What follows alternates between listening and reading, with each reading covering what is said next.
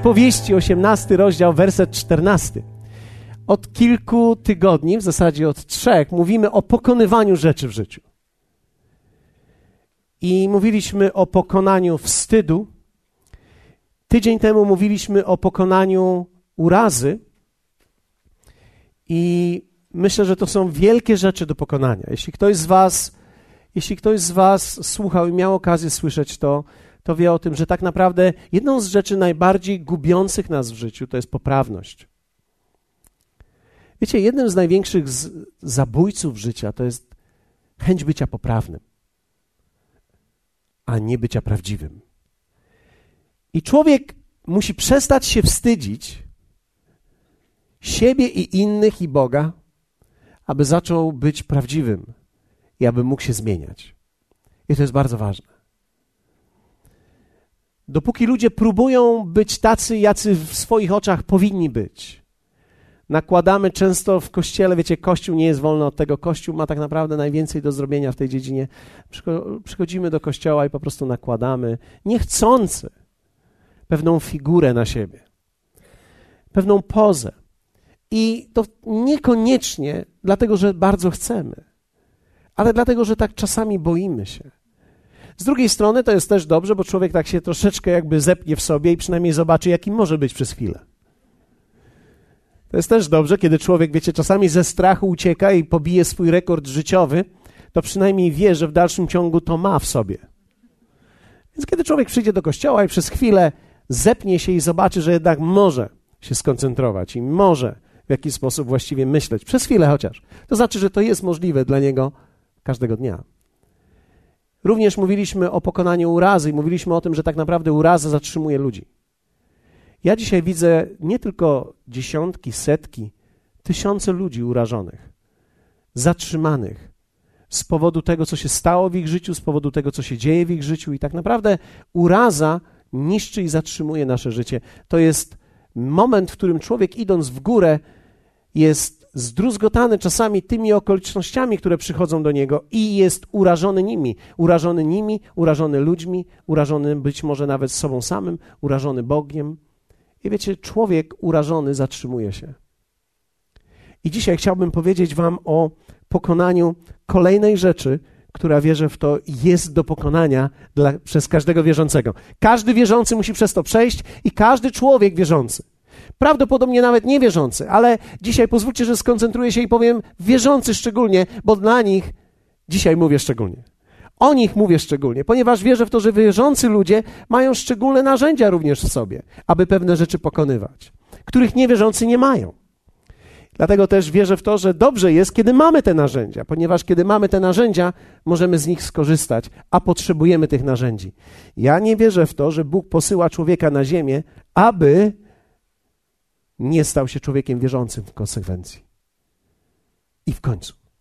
Wierzę w to, że każdy człowiek powinien. Dlatego, że kiedy człowiek staje się wierzący, kiedy zaczyna ufać Jego Słowu, zaczyna iść za Nim, kiedy staje się uczniem Jezusa, otrzymuje tak niesamowite narzędzia w życiu, bez których tak naprawdę życie jest słabe. I tak naprawdę czasami nie wiem, kiedy patrzę i obserwuję życie ludzi, nie wiem, jak ludzie sobie dają radę. I kiedy mam odpowiedzieć na to pytanie, jak sobie ludzie dają radę, to najczęściej muszę powiedzieć, nie dają sobie rady. I dzisiaj będziemy mówili o pokonaniu zniechęcenia. Prawdopodobnie wśród nas nie ma nikogo, kto by przeżywał zniechęcenie. Prawdopodobnie nie ma nikogo, kto by kiedykolwiek przeżywał zniechęcenie, ale gdybyście znali takich ludzi, to przynajmniej będziecie mogli im podrzucić płytę, gdy nagramy tą płytę w końcu. Wiecie, zniechęcenie jest takim elementem, który przychodzi i takim wrogiem, który przychodzi do każdego człowieka. I przypowieści 18-14 mówią takie słowo. Człowiek dzielnego ducha wytrzyma chorobę, lecz ducha strapionego kto podniesie?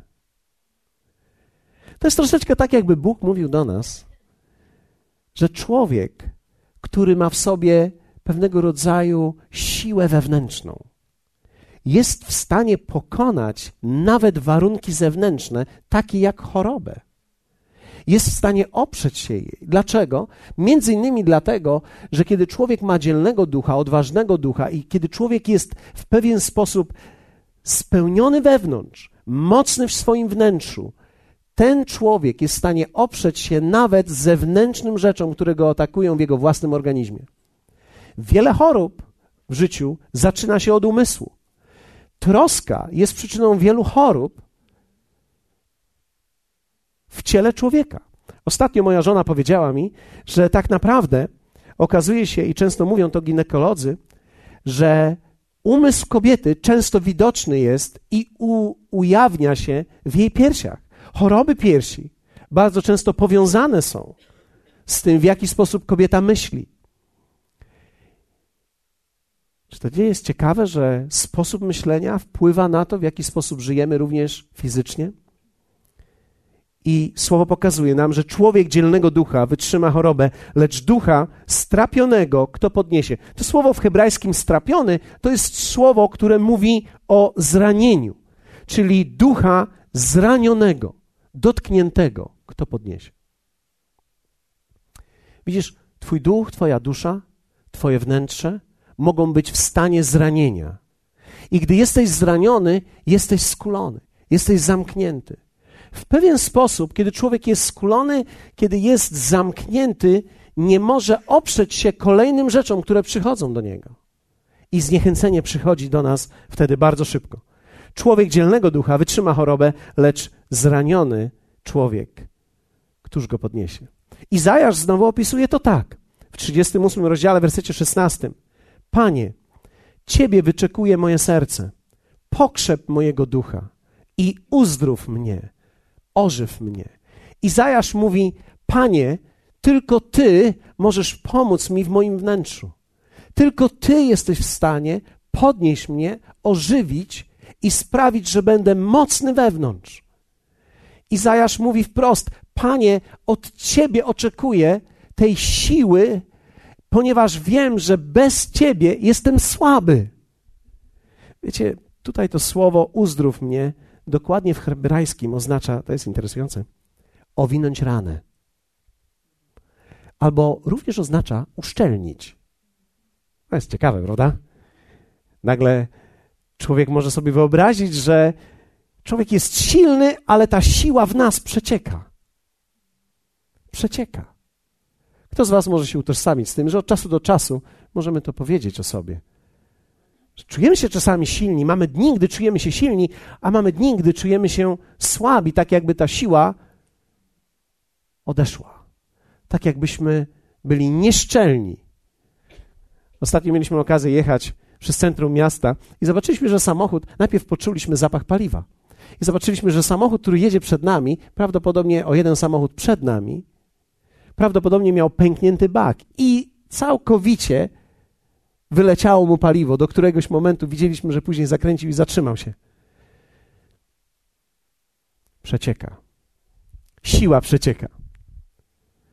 Więc tak naprawdę każdy, ja wierzę w to, że każdy człowiek potrzebuje tego źródła u niego, podczepić się pod nie, zasać, bo zniechęcenie przychodzi do życia, bo każdy z nas żyje normalnym życiem. Nie ma wśród nas ani jednego człowieka tutaj, który by nie miał normalnego życia.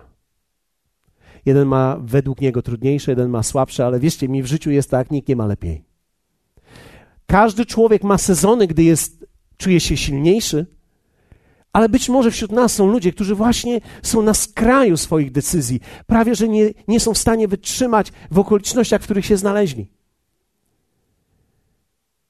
Wiecie, ono jest zniechęcenie częścią życia każdego i odczuwanie go jest czymś naturalnym. Nie musimy nakładać maski, że jesteśmy, z, wiecie, że wszystko z nami jest dobrze. Możemy się tak naprawdę odkryć i powiedzieć: Potrzebuję zachęcenia. Potrzebuję zachęcenia w moim życiu. Rzeczy nie idą tak, jakbym chciał, żeby szły. Wielu ludzi szuka pociechy w tym, co przychodzi do nich, więc czekają. Wiecie, są ludzie, którzy mówią tak: okej, okay, jest trudno, jakoś to przetrwam, być może chwycę coś i coś nowego przyjdzie, więc szukają jakby kropli wody, jakichś dobrych wiadomości. Jakaś dobra wiadomość niech przyjdzie do mnie. Oczekują dobrej wiadomości, bo wszystko wokół nich jest złe, więc każda dobra wiadomość to będzie ta pociecha w konsekwencji.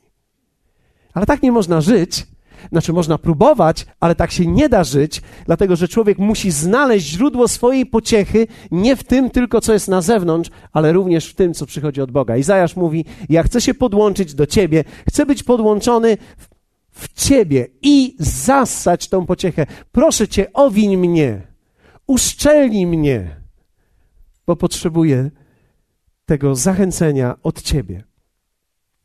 Wiecie, zwróciłem uwagę, że ludzie zniechęceni to są ludzie, którzy mają marzenia. Czy zwróciłeś kiedyś uwagę, że człowiek, który nigdzie nie idzie, nie przejmuje się, że nigdzie nie doszedł? Tylko ci ludzie, którzy mają marzenia i coś chcą osiągnąć, mogą być zniechęceni. Bo gdy człowiek nigdzie nie idzie, nie dziwi się wcale, że nigdzie nie doszedł. Ale gdy człowiek przebiera nogami i ma wrażenie, że już przeszedł kawał, i w dalszym ciągu zobaczył, że jest w tym samym miejscu, myśli sobie, co jest nie tak. Jest zniechęcony i to uderza w jego życie, te okoliczności uderzają w niego. A więc, jeśli odczuwasz zniechęcenie od czasu do czasu, to jest tylko jedna oznaka, że ty gdzieś idziesz, że masz marzenia, że czegoś pragniesz. Wszyscy wierzący muszą stawić temu czoła. I gdy pokonają, stają się zwycięzcami. Czemu musimy stawić czoła? Pierwsze, że rzeczy idą zbyt wolno. Jesteście ze mną? Powiedzmy razem, zbyt wolno. Wiecie co, mam, na, mam takie wrażenie, że niektórzy z was śpią i to już od dawna. Niektórzy nawet się nie obudzili, gdy było uwielbienie. Więc żebyśmy sobie nawzajem pomogli, to powiedz, będziesz, ja będę mówił do ciebie, a ty głoś do swojego sąsiada, dobrze? Uwaga, uwaga. Powiedz do niego zbyt wolno. Zobacz, czy nie śpi. Sprawdź, jak wygląda jego twarz. Kto z Was odczuwa, że od czasu do czasu w jego życiu czujesz, że, że rzeczy nie idą tak szybko, jakbyś chciał? Zbyt wolno. Zbyt wolno. Zbyt wolno. Oczywiście nie wszystko. Dzieci na przykład rosną zbyt szybko. Ale zwróćcie uwagę, że dzieci rosną zbyt szybko, dopiero między 15 a 25 rokiem życia. Ponieważ od 0 do 5 rosną zbyt wolno. Zbyt wolno. Później to tak się mniej więcej wyrównuje, a po 15 rokiem życia rosną zbyt szybko. Człowiek ma zdjęcia, gdy były malutkie i były bobaskami, tak jak patrzę na zdjęcia mojej Oliwii i wszyscy się śmiejemy, patrzymy na nią i mówimy, jaki cudowny pączek bez rączek. I teraz patrzymy na to zdjęcie, które ma teraz, i myślimy sobie: Wow, jak z takiego pączka taki kwiat mógł wyrosnąć. To jest niesamowite. I myślimy wtedy, porównujemy to i mówimy tak: To idzie zbyt szybko. Ale pamiętam moment, że mówiłem o wszystkich moich dzieciach i myślałem: Dzieci rosną wolno. Szczególnie kiedy są w pieluchach. O, rosną wolno. I znowu, i znowu ten wypadek, i znowu ten wypadek. Więc są rzeczy, które idą bardzo wolno. Kiedy patrzymy, kiedy patrzymy na życie, e, szczególnie kiedy jesteśmy w szkole podstawowej, każdy dzień jest taki długi i ta szkoła taka długa, ile się trzeba uczyć. Wydaje nam się, że to jest tak długo. Później kończą się studia i tak jak moja Marta ostatnio podeszła do mnie wiecie, dopiero ma 22 e, lata. 21? Do, myślałem, że już ma 22. Okej, okay, to nie ta ma 22, okej. Okay. 21. I wiecie, 21 lat i ona mówi tak, życie idzie zbyt szybko zbyt szybko, ponieważ wydawało mi się, że gdy była młodsza, to wszystko tak dłużyło się, a teraz nagle muszę podejmować decyzje. I teraz to, to, co jest ciekawe w życiu, to, co możemy wszyscy zaobserwować, życie wcale nie jest aż takie długie, jak myśmy myśleli. Dlatego, że gdy dochodzisz do tak zwanego pięknego wieku średniego, kto z Was cieszy się wiekiem średnim? A, fajny wiek średni. A jeszcze nie jest tak, że koniec, ani już nie jest początek, więc to jest tak dobrze. I wiecie, to jest piękne. Człowiek się cieszy tym wiekiem średnim, ale zaczynasz liczyć te lata i one tak szybko strzelają. I tak szybko strzelają. Tak, kiedy człowiek ma 20 lat, myśli sobie, to tak długie to życie jeszcze jest. Ktoś ma 60 lat, to stary człowiek jest. I później nagle czas masz 60 i myślisz sobie jeszcze w dalszym ciągu, nie jestem aż taki stary, prawda? Jak to się zmienia perspektywa za długo, ale większość z nas zniechęca się w życiu, kiedy cierpimy długo i kiedy musimy czekać na rzeczy długo, kiedy czekamy długo na coś, co jest dla nas upragnione. Wiecie, wtedy ten czas zmienia się według tej perspektywy, w której my się znajdujemy. Kiedy na przykład czekamy na coś upragnionego, typu nie wiem, czy to jest upragnione dla wszystkich, ale gwiazdka. I mamy choinkę, i mamy święta, i mamy wigilię, i mamy ten wspaniały moment, kiedy z rodziną razem siadamy, i wtedy wszyscy tak pięknie wyglądamy, i ten stół, i to wszystko, co się wokół dzieje, stołu, jest takie wspaniałe, takie urocze, takie cudowne, bajkowe. I niektórzy ludzie czekają na to, niektórzy nie. I kiedy czekasz na to, jesteś tuż przed tym, to ten czas tak długo idzie.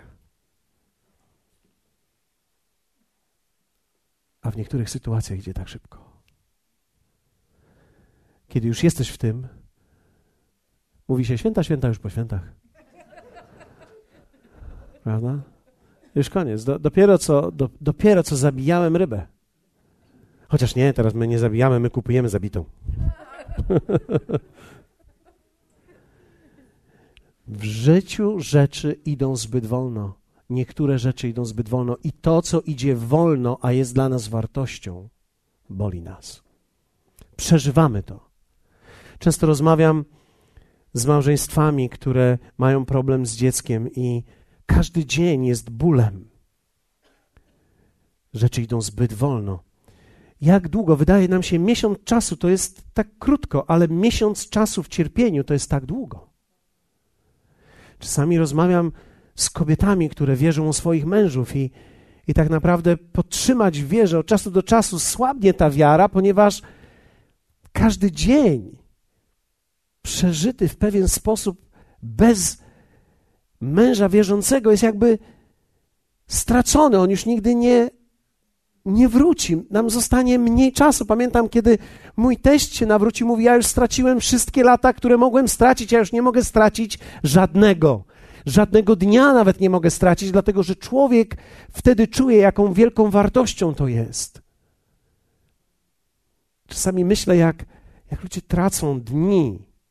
Dlatego słowo mówi: ucz nas liczyć dni nasze abyśmy posiedli mądrość, bo życie płynie. Wyobraźcie sobie, że tych chwil, które były przed chwilą, nigdy już więcej nie będzie, że już nie wrócą do nas. Za tydzień będziemy już o tydzień starsi. Pamiętam któregoś dnia, jak przyjechał pastor Rob Thompson do nas, spojrzał na mnie i powiedział: Paweł, my wszyscy umieramy.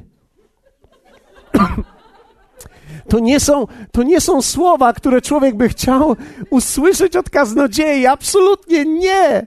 Ale wiecie, on tak spojrzał na mnie i z takim, z takim poruszeniem mówi: My wszyscy umieramy. Inaczej mówiąc, każdego dnia stajemy się coraz bardziej dojrzali. I wiecie, tak jak piękne jest to słowo dojrzałość, to dojrzałość jest, później jesteś dojrzały, jak długo możesz być dojrzały, później jesteś dojrzały, później jesteś przedojrzały i, i później się lekko marszczysz i już nie jesteś taki dojrzały, jesteś z deka przedojrzały i, i później już jesteś zgniły. nie, przepraszam, chciałem cofnąć, to się nie nadaje do telewizji. Jesteś, jesteś dojrzały, po, później się marszczysz. Wiecie, e, e, kto z was czasami widzi takie jabłko, o którym zapomniał? I, i, i tak patrzysz, to jabłko miało tyle czasu, żeby dojrzewać i, i ono tak naprawdę dojrzało, aż przedojrzało. I teraz wszyscy w domu czekają, kto je zje, prawda? Może ty byś zjadł. W końcu jest jeszcze dobre. I my wszyscy wiemy, że jest jeszcze dobre, ale nie jest zachęcające. My wiemy, że w życiu niektóre rzeczy są jeszcze dobre, ale już nie są aż tak zachęcające. Mm. Więc nie da się cofnąć życia. Procesy zachodzą niektóre wolno, ale z drugiej strony zachodzą szybko i my w pewien sposób musimy się zderzyć z tym, że zniechęcenie przychodzi do nas w życiu z powodu czasu, że rzeczy idą wolno. Wiecie, człowiek robi długi szybko, a spłaca się je. O. Pamiętam któregoś dnia miałem okazję komuś wyliczać jego możliwości spłacenia długu. I to nie były wielkie długi, bo wiecie, są różne długi.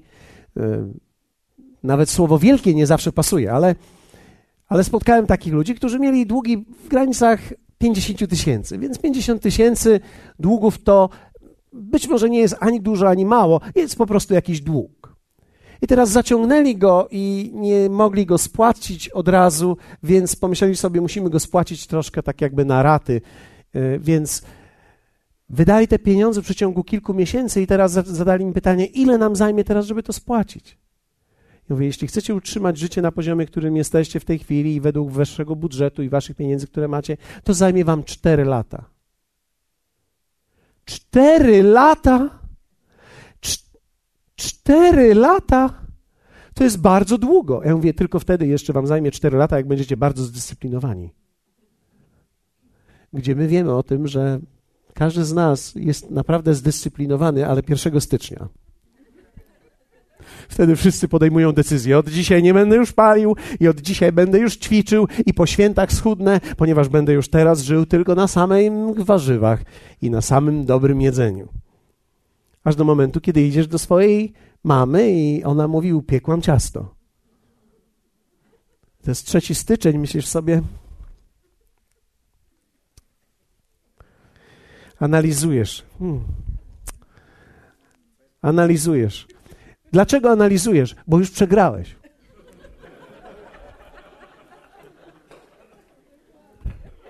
To już jest koniec. To już jest koniec. Podjąłeś dyskusję z samym sobą, już przegrałeś. Dlatego, że wierzcie mi, człowiek, kiedy podejmuje dyskusję z samym sobą, to już przegrał. Pamiętam, kiedy zaczynałem biegać i kiedy zaczynałem ćwiczyć, to był taki moment dla mnie bardzo ciekawy. Każdego dnia podejmowała, moje, moje ciało podejmowało ze mną dyskusję. Myślę, że dzisiaj jesteś już zmęczony. A poza tym przed chwileczką zjadłeś, nie jest dobrze biegać po jedzeniu. Wszystkie argumenty wtedy przyjmujesz. Pasuje ci wszystko. Wiecie, dlatego w życiu człowiek jest zniechęcony, gdy rzeczy idą zbyt wolno. Ale w Słowie Bożym widzimy, że ludzie byli kuszeni z tego powodu. Wiecie, zastanawiam się, czy ludzie w dalszym ciągu szukają tych e, kopert pod. Ponieważ co jakiś czas ktoś wstaje, wychodzi, myślę sobie, idzie teraz albo zapalić, albo idzie szuka koperty. Nie wiem, co się dzieje, ale ja będę dalej kontynuował. Czy to jest w porządku? Kto znajdzie kopertę, jego koperta, ale, ale my idziemy dalej ze słowem. Abraham czekał na syna 25 lat. Powiedzmy razem zbyt wolno. 25 lat. Mojżesz od momentu, kiedy usłyszał o ziemi obiecanej, czekał 40 lat. I jeszcze kiedy doszedł do ziemi obiecanej, to nie wszedł do ziemi obiecanej. Powiedzmy razem zbyt wolno. Anna była bezpłodna i czekała na dziecko. I tak naprawdę wierzyła Bogu, że będzie miała dziecko, i czekała na to dziecko przez wiele, wiele lat. I doszła do takiego stanu, gdzie w pierwszej księdze Samuela czytamy o niej, że zachowanie jej wyglądało takie. Lecz Anna ledwo szeptała, tylko wargi jej się poruszały. Głosu jej zaś nie było słychać. To też Heli, kapłan, miał ją zapijaną.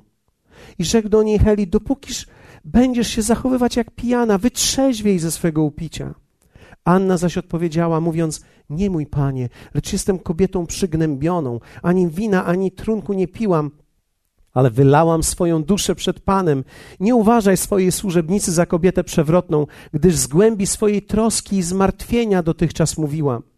Wtedy odpowiedział Heli, mówiąc: Idź w pokoju, a Bóg Izraela da ci to, o co prosiłaś.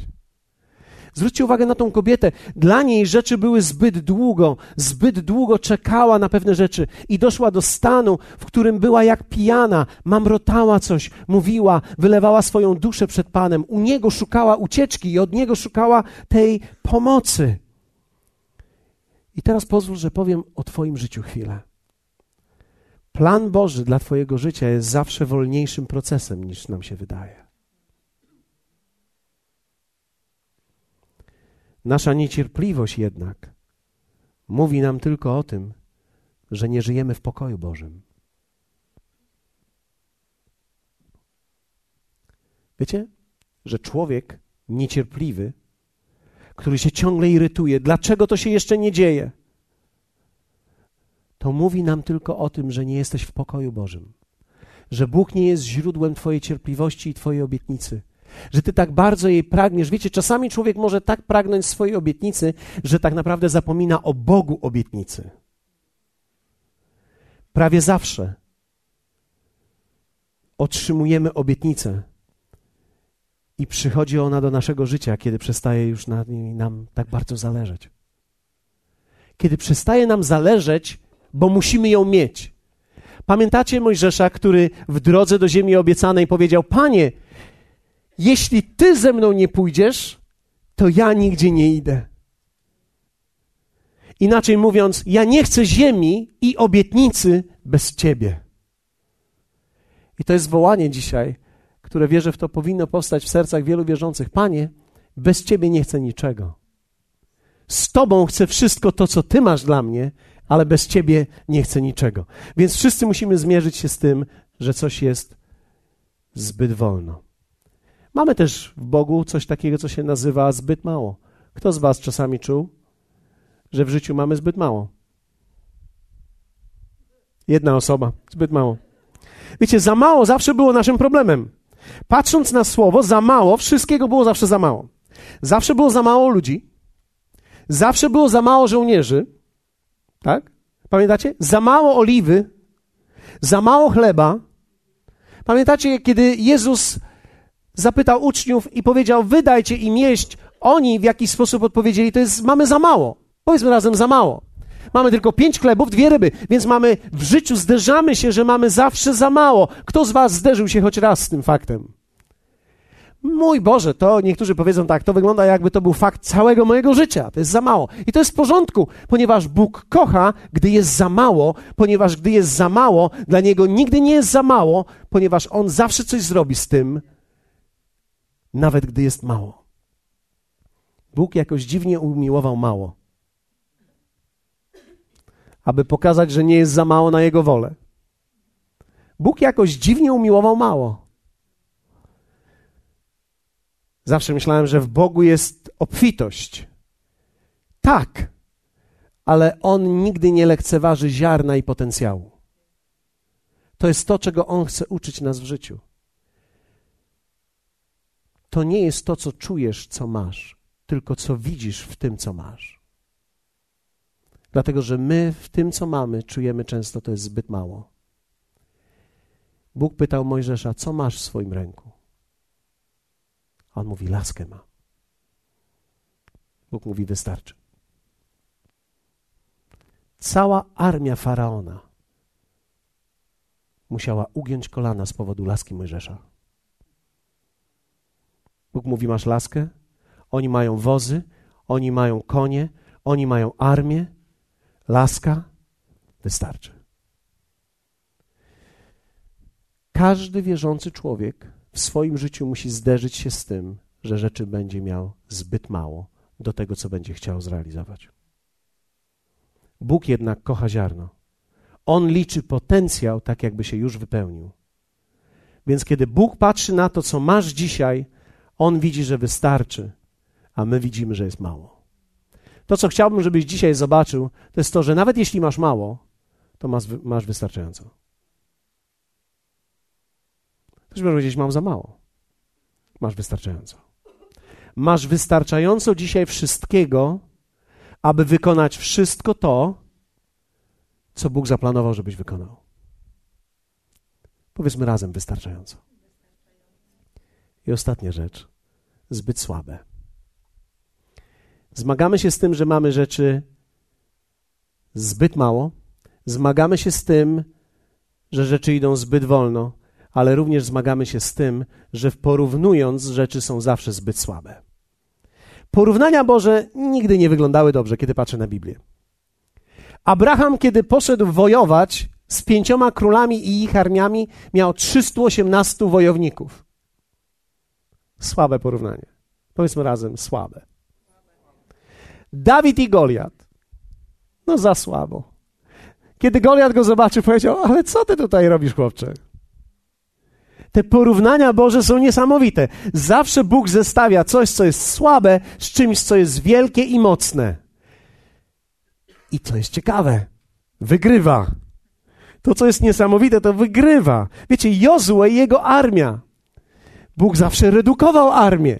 Mówi, nie, to jest za dużo, jeszcze za dużo, jeszcze za dużo, jeszcze tylu wystarczy, 300 wystarczy. Ta armia jest większa, 300 wystarczy. Bóg zawsze redukował. Bóg nigdy nie bał się, że coś jest zbyt słabe. Bóg w jakiś sposób kocha to, że jest słabo. W pierwszym Koryntian, to nie jest tylko Stary Testament, ale pierwszy Koryntian mówi do nas tak. Patrzcie i przypatrzcie się zatem sobie, bracia, kim jesteście według powołania waszego. Że niewielu jest między wami mądrych według ciała, niewielu możnych, niewielu wysokiego rodu, ale to, co u świata głupiego wybrał Bóg, aby zawstydzić mądrych, i to, co u świata słabego wybrał Bóg, aby zawstydzić to, co mocne. I to, co jest niskiego rodu u świata i co wzgardzone, wybrał Bóg, w ogóle to, co jest niczym, aby to, co jest czymś, unicestwić.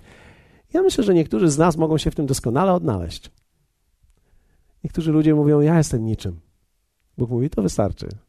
Bo ja wybrałem to, co jest niczym, aby to, co jest czymś, unicestwić. Ktoś mówi: Ja jestem słaby.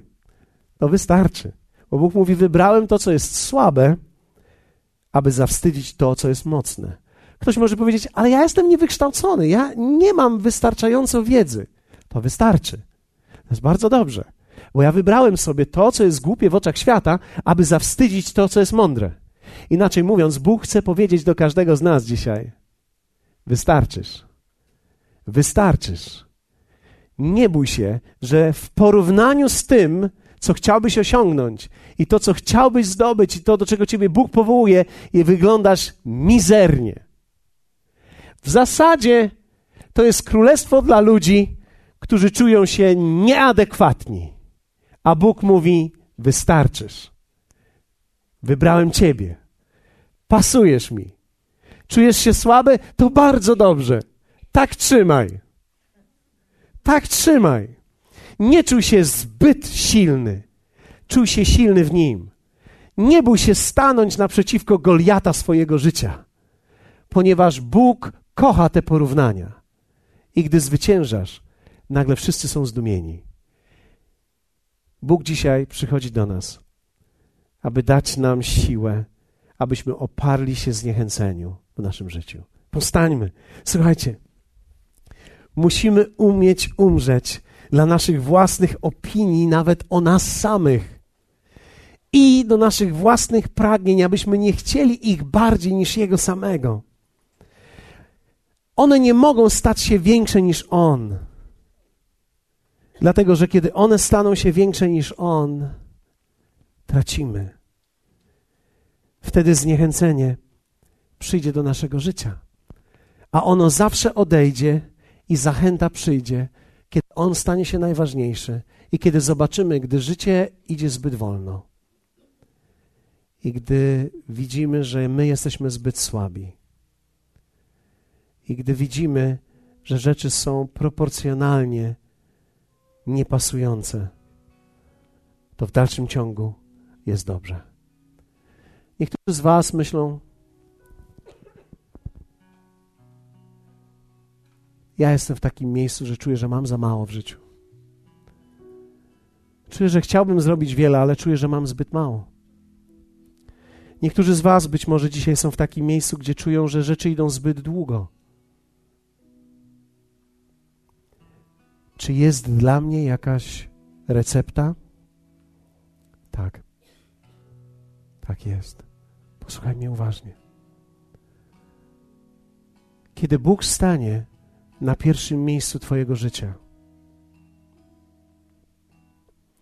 I kiedy przestaniesz walczyć o wszystko, a poddasz mu wszystko, siła przyjdzie do ciebie. Bóg nigdy nie chciał, żebyś zrezygnował ze swoich pragnień i marzeń. Ale On nigdy nie chciał, aby one były na pierwszym miejscu Twojego życia. On zawsze chciał być na pierwszym miejscu.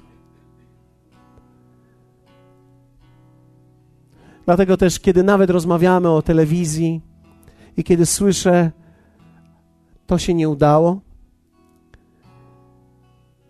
nie czuję się osobiście zraniony. Moja pierwsza myśl jest: Pan wie, co robi. Ja nie muszę niczego zrobić dzisiaj. Ja niczego nie szukam, jak tylko Jego i Jego woli. I wiecie, to jest miejsce wolności. To sprawia, że człowiek przestaje być zmęczony życiem, bo człowiek się męczy, gdy ciągle czegoś nie ma, a chciałby. A nagle, kiedy On jest wystarczającą osobą i wszystkim, czego potrzebujemy, to jest niesamowite. Jesteś wolny. Kto z Was chce być w takim zachęceniu prawdziwym i odejść od tego poczucia zmęczenia i zniechęcenia? Kto z Was tego potrzebuje dzisiaj? Trzymaj swoją rękę teraz. Jeśli jesteś i oglądasz nas, chciałbym zachęcić Ciebie, abyś również położył być może swoją rękę na swoim sercu, a my trzymamy w górze ręce. Ponieważ trzymając w ten sposób w górze ręce, mówimy do Niego, że jest naszym źródłem. I chcemy powiedzieć dzisiaj Jemu, Panie, Ciebie bardziej pragnę niż wszystkich marzeń, które mam. Poddaję Ci dzisiaj swoje zniechęcenie, poddaję Ci dzisiaj swoje zmęczenie, poddaję Ci dzisiaj te zawody, które przeżyłem. I chcę Ci powiedzieć, że ja nie chcę wejść w nic, w żadną obietnicę bez Ciebie. Nie chcę pójść tam do rzeczy, które są nawet dobre, bez Ciebie. Nie chcę zdobywać rzeczy bez Ciebie. Nie chcę, nawet wtedy, gdy czuję, że rzeczy idą zbyt wolno. Powiedz teraz Jemu, Panie, daj mi cierpliwość, która płynie z Twojego pokoju. Obdasz mnie teraz swoim pokojem, nawet jeśli te rzeczy są zbyt wolne w moim życiu. Niektóre rzeczy, niektóre w pracy, niektóre w domu, w rodzinie. Nawet niektórzy z Was jesteście zniecierpliwieni, może samymi sobą.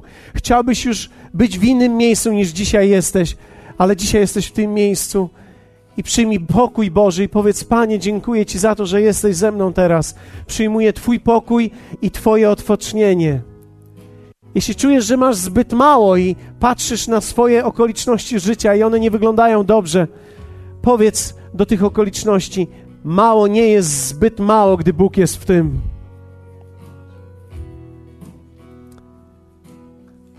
Pamiętam, jak czytałem pierwszy raz ten tekst, gdy wdowa powiedziała: Nic nie ma, powiedziała do proroka: Nic nie ma, twoja służebnica, tylko z wyjątkiem bańki oliwy.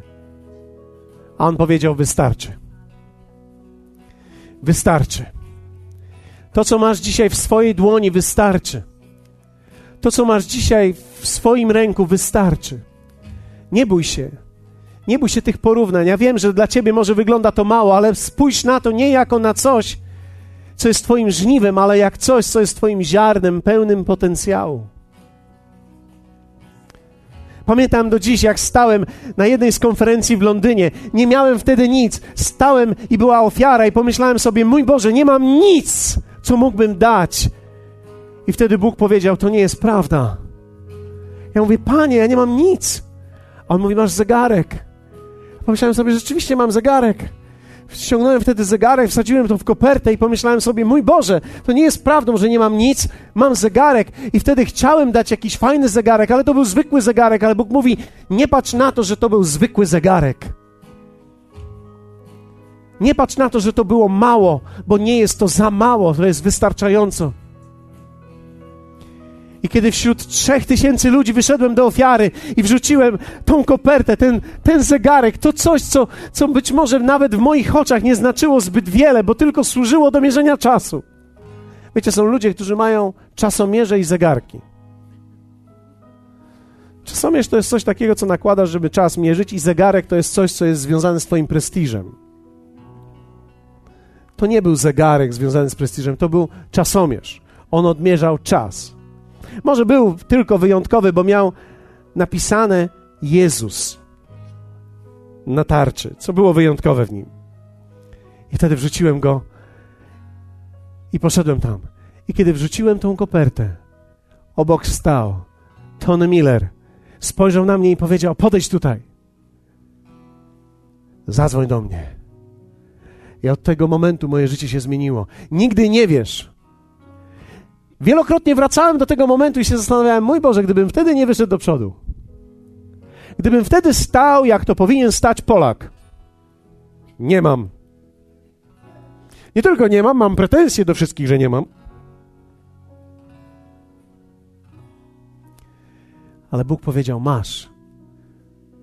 I wyszedłem wtedy i dałem. I moje życie się zmieniło. Nigdy mało nie jest za mało, kiedy to Bóg dotyka. Tak samo będzie też w Twoim życiu. Zbyt słabe. Niektórzy z Was jesteście tutaj i powiesz: Ja czuję się zbyt słaby do okoliczności, w których się znalazłem. Nie bój się. Nie bój się niczego. Bóg przychodzi dzisiaj z mocą do Twojego życia, aby obdarzyć Ciebie mocą ponadnaturalną. Kto z Was przyjmuje to dzisiaj? Ja przyjmuję dzisiaj tą moc. Biorę tą moc. Hallelujah. Dziękuję Ci, Jezu. Biorę tą moc dzisiaj. Przyjmuję to od Ciebie. Dziękuję Ci, że jesteś tutaj w tym miejscu. Oddaję Ci chwałę za to wszystko, co czynisz w moim życiu, za pokój, który mi dajesz, za zwycięstwo, które mi dajesz. Dziękuję Ci za to, że mogę służyć Tobie w duchu i w prawdzie. Amen.